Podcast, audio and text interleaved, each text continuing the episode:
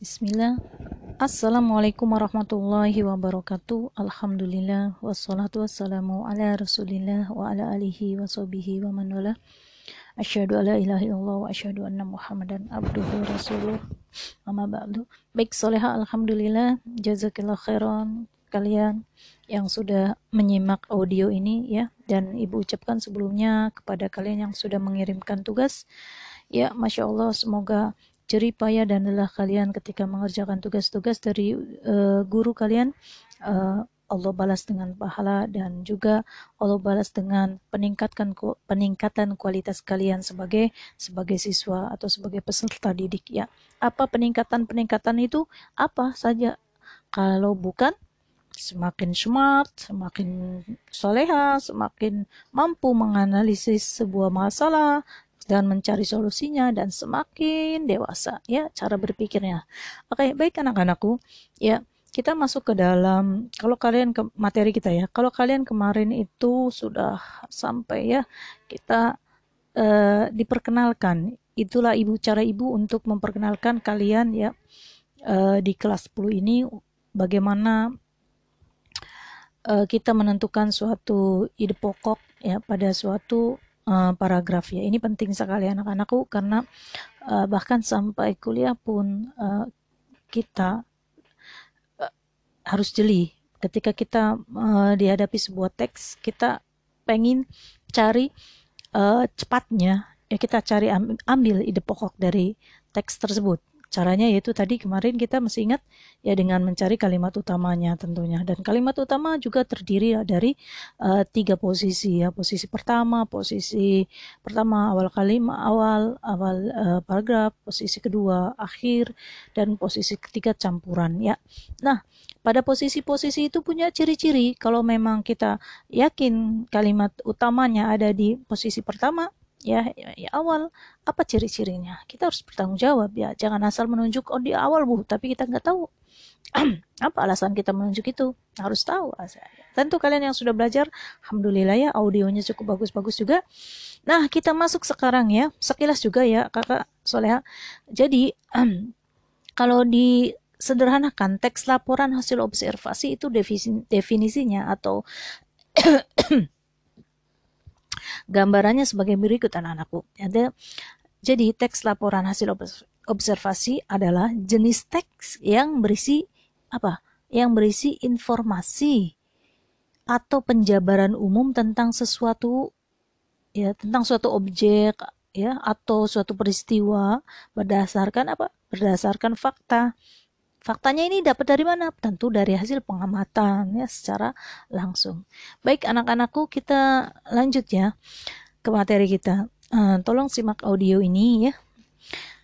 Karena audio ini Ibu gabungkan dengan dari buku buku yang kalian pegang dan juga dari sumber-sumber lainnya. Jadi uh, jangan berpikir bahwa Ibu audio ini ada di situ semua ya, ada di yang kalian pegang enggak. Ya sebagai uh, info juga ibu ambil dari sumber-sumber lainnya. Baik soleha. Jadi teks laporan hasil observasi ini biasanya banyak digunakan di mana? Iya betul.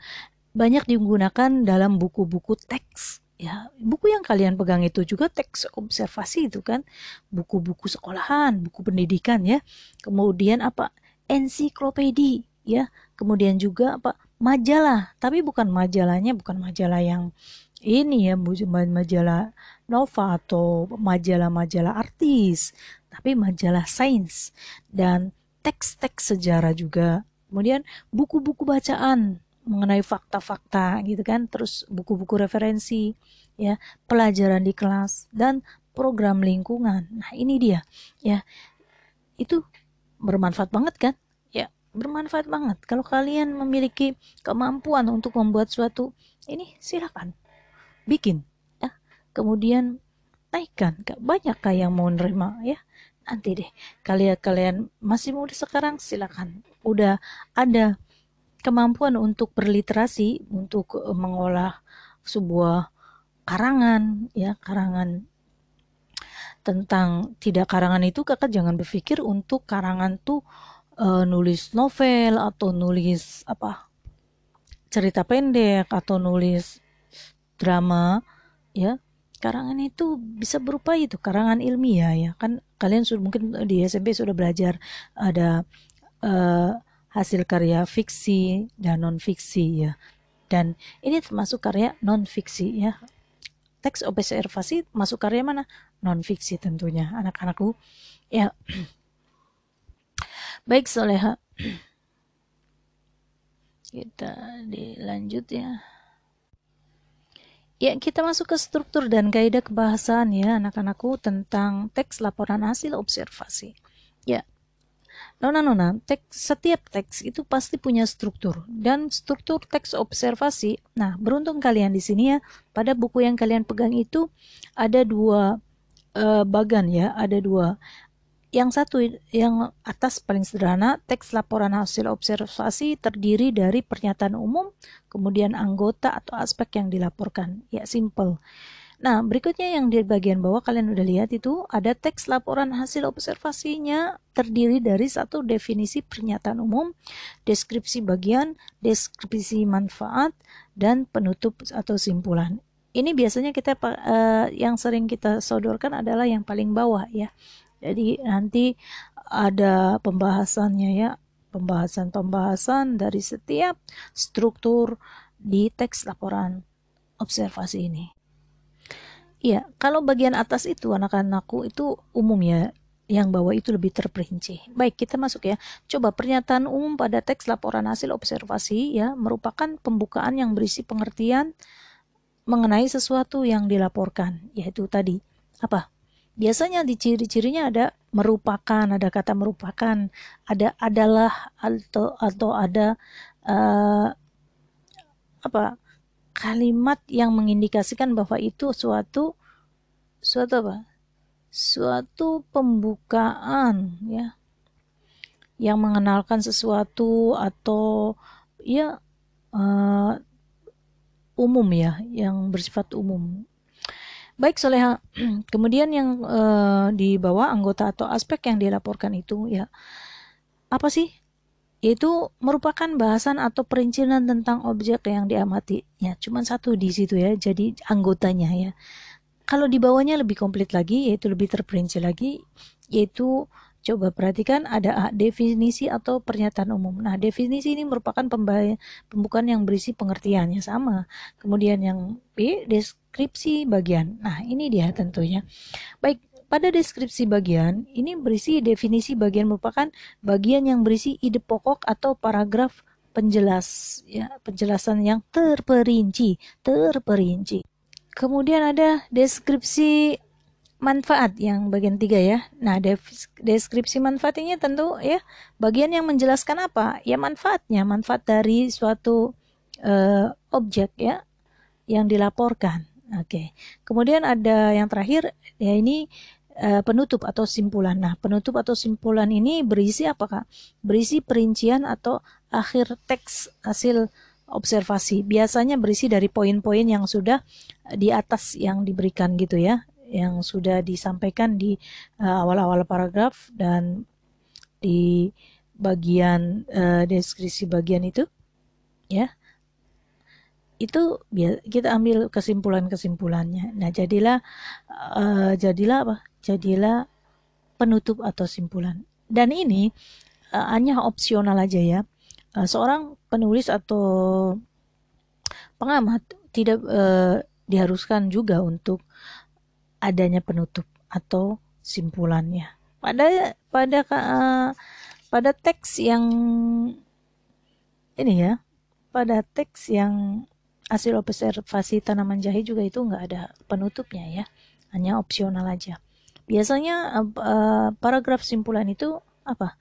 Ditandai dengan ya ditandai dengan apa? Dengan adanya jadi dengan demikian atau apa yang mengindikasikan bahwa itu kesimpulan dari uh, poin-poin yang sudah dibahas di uh, paragraf sebelumnya.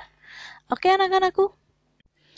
Baik anak-anakku, Ibu akan kasih contoh um, paragraf pernyataan umum ya. Perhatikan di sini. Kelapa.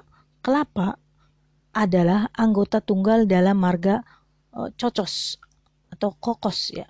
Dari suku arenan, arenan atau Arecaceae. Kelapa juga adalah sebutan untuk buah yang dihasilkan tumbuhan ini. Berdasarkan kulit buah terdapat tiga jenis pohon kelapa, yaitu kelapa kuning, kelapa hijau, dan kelapa merah.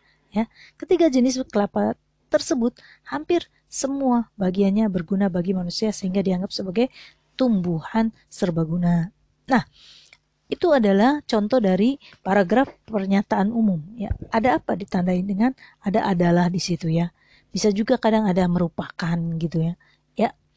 Kemudian kita lihat paragraf eh, contoh deskripsi bagiannya. Ya, pada contoh deskripsi bagian perhatikan ya. Batang kelapa beruas-ruas namun bila sudah tua tidak terlalu tampak dalam kelapa merupakan daun kelapa merupakan daun tunggal dengan petu, pertulangan menyalip. Nah, itu perhatikan ya. Bunga kelapa tersusun majemuk dan rangkaian yang dilindungi berat. Ini benar kan? Apa? Detail mengupas tentang apa? Kelapa. Ya, detail mengupas tentang kelapa. Nah, ini posisinya ada di deskripsi bagian ya deskripsi bagian. Strukturnya ada di deskripsi bagian. Jadi detailnya detailnya. Kemudian kita lihat contoh dari deskripsi manfaatnya apa ya? siap? Dengarkan. Kelapa adalah pohon serbaguna hati-hati tertipu dengan adalah ya meskipun tadi ibu katakan bahwa pernyataan umum itu ciri-cirinya adalah tapi lihat juga apakah setelah itu adalah atau merupakan apakah itu pernyataan umum atau pengenalan ya, terhadap suatu objek secara keseluruhan secara umumnya ya. Hati-hati pembedanya. Perhatikan di sini. Pada deskripsi manfaat ya pada contoh deskripsi manfaat yang ibu contohkan ini. Kelapa adalah pohon serbaguna. Meskipun ada adalah tapi niatnya mau apa nih? Ya kayu dari batang dapat dipakai sebagai papan untuk rumah. Daunnya dipakai sebagai atap rumah setelah dikeringkan. Tangkai anak daun yang sudah dikeringkan disebut lidi, dihimpun menjadi satu menjadi sapu. Nah, perhatikan anak-anakku ya, meskipun kata ada, ada adalah ya, tapi dia bukan termasuk pernyataan umum. Kenapa? Karena isinya tentang manfaat ya, tentang manfaat dari kelapa. Maka ini termasuk ke dalam deskripsi manfaat baik Soleha. Itu adalah contoh ya. Kalau uh, simpulan ada penutup tentunya kalian tahu ya ciri-ciri dari uh, paragraf simpulan itu ya. Biasanya itu poin-poin yang tadi di atas itu ditulis lagi di bawah. Itu biasanya masuk dalam uh, paragraf simpulan. Ya, Soleha, kita masuk ke dalam materi berikutnya yaitu kaidah bahasan teks laporan hasil observasi ya ada pernyataan umum. Nah, ini pernyataan umum berbeda ya. Hati-hati jangan uh, tertukar ya.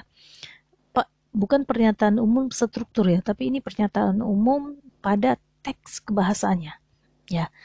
Nah, pada pernyataan umum kata atau frasa kata yang dominan ya, yang dominan dipakai dalam laporan hasil observasi adalah apa? Verba. Apa itu verba? Yaitu kata kerja dan nomina. Apa nomina? Yaitu kata benda. Nah, kata sendiri definisinya adalah satuan bahasa terkecil yang bersifat bebas. Satu yang bersifat bebas, ya. Sedangkan frasa definisinya atau pengertiannya adalah gabungan dari beberapa unsur, tetapi tidak melebihi batas fungsi anak-anakku. Ya, mungkin agak bingung ya. Jadi frasa ini terdiri dari dua kata. Ya, terdiri dari dua kata, tapi fungsinya itu satu. Ya, tidak melebihi batas fungsi satu. Contohnya nih, kalau kata jahe ya satu udah cukup jahe.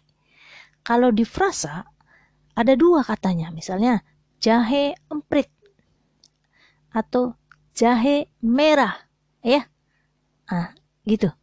Nah, terdiri dari dua, tapi fungsinya ya tidak melebihi batas fungsi dari jahe itu. Oke. Faham sampai di sini? Insya Allah. Ya, frasa itu anak-anakku bukan kalimat. Hati-hati ya, meskipun dia dewa, tapi dia tidak terdiri dari subjek dan apa gitu, uh, apa objek atau objek atau subjek nggak ada itu ya. Di frasa ya. Meskipun dua, tapi dia uh, tidak uh, tidak tidak menduduki itu. Tidak tidak tidak tidak berfungsi sebagai objek atau subjek. Nah, kalau kalian lihat bagannya, ada nomina, ada verba. Nomina, apa itu nomina, Kak? Benda, betul, ya. Sedangkan verba adalah kata kerja, ya. Jadi ingat, nomina kata benda. Contohnya rumah, ya obat, terus gelas, terus apa? datang, ya. Itu terdiri satu satu kata, ya. ya itu nomina, ya. Hmm. Kemudian verba. Nah, verba itu apa tadi kak? Betul, kata kerja, ya bisa dicontoh kalian lihat mungkin baganya ya ya disebut digunakan didapat ya itu verbanya ya verbanya ya oke lihat perhatikan perbedaan antara kata dan uh, dengan uh, nomina kata nomina dengan kata verba ya perhatikan kalau nomina benda kata nomina itu menunjuk benda. Kalau verba adalah kata kerja, ya. Contoh nomina, ya, jahe, obat, ya. Contoh katanya nih pada nomina. Sedangkan kalau frasanya, contoh di frasanya, jahe putih, jahe sunti, jahe emprit, ya itu frasa. Artinya biar, biarpun terdiri dari dua kata, tapi tidak melebihi batas fungsi. Ibu berikan contoh pada kalimat ya anak-anakku. Ya, baik. Ya, kalau kata sepeda, misalnya kan kata sepeda, ayah membeli sepeda, maka kata itu menjadi objek, bisa objek ya, sepeda. Sedangkan itu kata nomina ya kayak ya. Kita cari kata frasanya dengan sepeda. Sama, kata sepeda. Kita tambahi baru misalnya. Jadi ayah membeli sepeda baru. Sepeda baru. Sepeda baru itu apa? Kata apa frasa? Frasa, ya, sepeda baru frasa. Ya, frasa apa? Nomina, frasa benda, ya. Bukan frasa verba. Oke. Okay.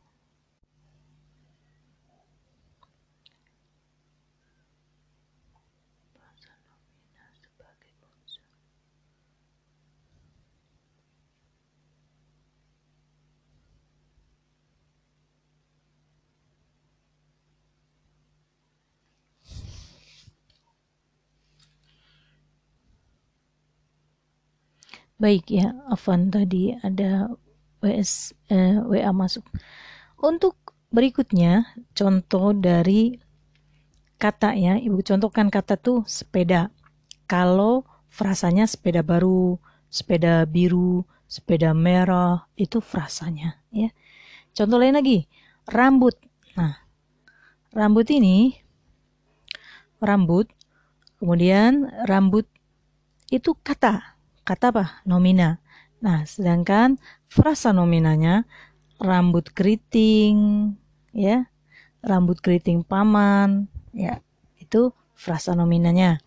Kemudian gunung, gunung itu kata nomina. contoh kata nomina. Kemudian contoh kata frasanya, eh, contoh frasanya, hmm, Gunung Merapi atau Gunung Berapi ya. Gunung Merapi itu eh, nama sebuah tempat. Nah, Gunung Berapi ya. Itu contohnya, contoh frasa nomina. Masih nomina kita bicara ya. Kemudian berikutnya ibu ya ibu bapak nah, sedang ke sawah ibu kata frasanya mana frasa nominanya ibu bapak sekarang Gibran makan tahu goreng oke kita lihat tahu adalah kata nomina tahu goreng dia adalah frasa nomina Betul sekali. Ya, baik Soleha. Selanjutnya. Selanjutnya kita ke contoh frasa verbal atau uh, kata verbal. Uh, verba ya, verba atau verbal. Itu kata kerja ya kayak. Ya. Baik, kita lihat contohnya apa ya? Pengertiannya dulu nih biar kalian paham uh, frasa itu tadi apa ya Betul? Frasa, frasa, frasa? Hmm? Dua kata ya kan? Verbal. Terdiri dari dua kata tadi. Tapi tidak melebihi fungsi. Oke, sekarang kita verba. Verba itu kata kerja. Kita kasih cari contoh ya. Ibu berikan contoh, perhatikan di sini anak-anakku. Turut itu kata verba. Contoh frasa verbanya turut berbahagia. Ya? Apa itu? Turut berbahagia. Nah, itu frasa verba. Berikutnya, contoh lagi. Oke. Okay.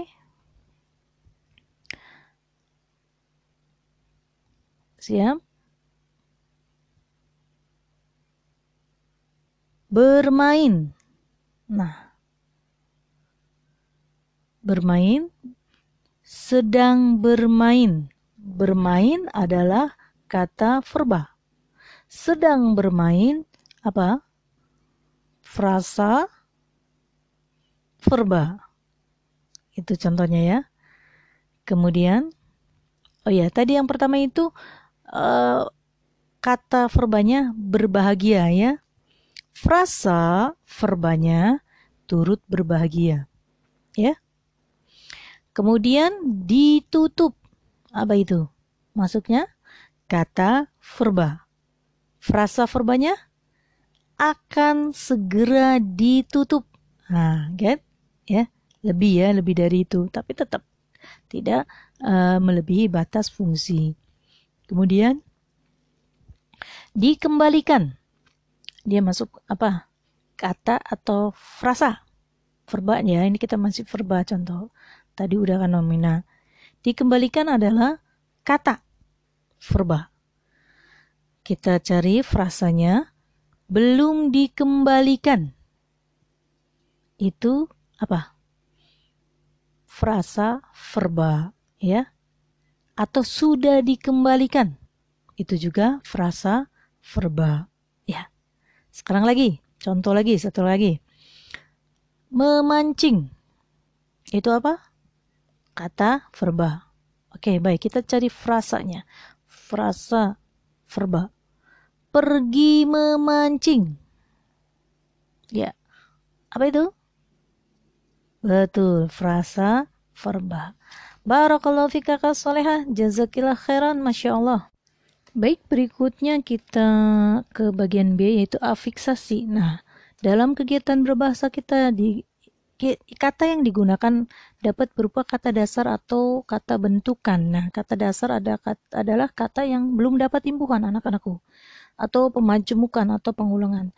Kata bentukan adalah kata yang telah mendapat imbuhan atau afiksasi. Nah, afiksasi itu imbuhan. Contohnya seperti ber ya. Terus me ke ya pen misalnya berkerja. Bekerja. Nah itu ya. Jangan bekerja nah, kemudian main. Bermain ber tambah main. Bermain. Kemudian ber ditambah ajar. Belajar ya. Ke ke ditambah satu ke satu. Ya begitu. Ya itu namanya afiksasi berikutnya. Berikutnya yaitu kalimat definisi atau kalimat dan kalimat deskripsi ya.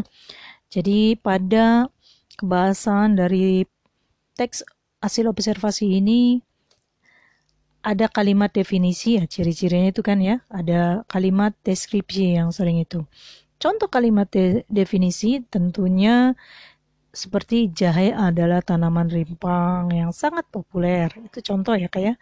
atau jahe merupakan jahe yang sangat jarang jahe merah merupakan jahe yang sangat jarang ditemukan di lingkungan sekitar. Nah kemudian contoh kalimat deskripsinya. Ciri-ciri dari jahe gajah atau jahe badak yaitu ruasnya mengembung, besar, gemuk ya itu ya. Itu contoh kalimat deskripsi ya atau juga ini juga kalimat deskripsi. Berbagai jenis olahan jahe seperti jahe kering, jahe bubuk, manisan atau asinan, jahe permen sampai sirup jahe. Nah, itu kalimat deskripsi. Kemudian kita masuk ke dalam kalimat simplek dan kompleks anak-anakku ya. Terakhir ini ya kan. Kalimat simplek dan kalimat kompleks. Apa itu kalimat simplek? Adalah kalimat yang ter yang hanya terdiri atas satu struktur dengan satu verba. Ya, verba utama. Apa tadi verba? Betul. Kata kerja. Contoh, perhatikan contoh ya. Ini penting nih. Ini contoh kalimat simplek. Saung Wira tersebut terdapat kumpulan pohon.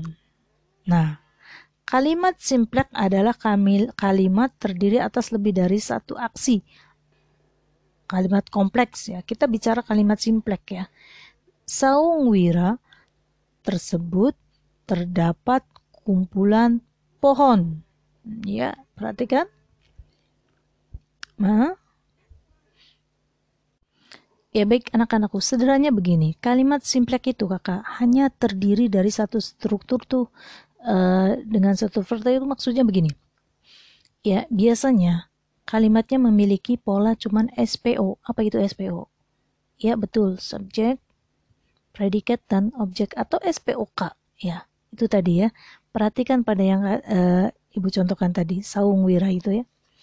Saung wira, ya saung wira subjek tersebut terdapat nah, terdapat apa itu betul ya kumpulan pohon. Nah, predikat kemudian kumpulan pohon ya apa objek. Ya itu. Itu simplek ya. Sederhana. Nah kita masuk ke dalam uh, kita kasih contoh lagi deh kalimat simpleknya lagi. Ya. Contoh satu lagi, tomat dan terong tergolong ke dalam jenis sayur-sayuran. Apa itu? Tetap simplek, ya. Karena apa? Tomat dan terong itu subjek. Nah, tergolong itu predikat, ya. Kemudian ke dalam jenis sayur-sayuran itu keterangan, ya. Itu simplek. Ya. Kita lihat kalimat contoh kalimat kompleks ya. Kalimat kompleks sendiri itu terdapat dua struktur kalimat yang dihubungkan dengan konjungsi. Konjungsi itu anak-anakku yaitu kata penghubung. Pada kalimat pertama, verba ya kata kerjanya utamanya adalah mendapat dan belajar ya. Dan konjungsi apa? Perhatikan di sini contohnya kita masuk udah contoh ternyata. Ya baik. Mm -hmm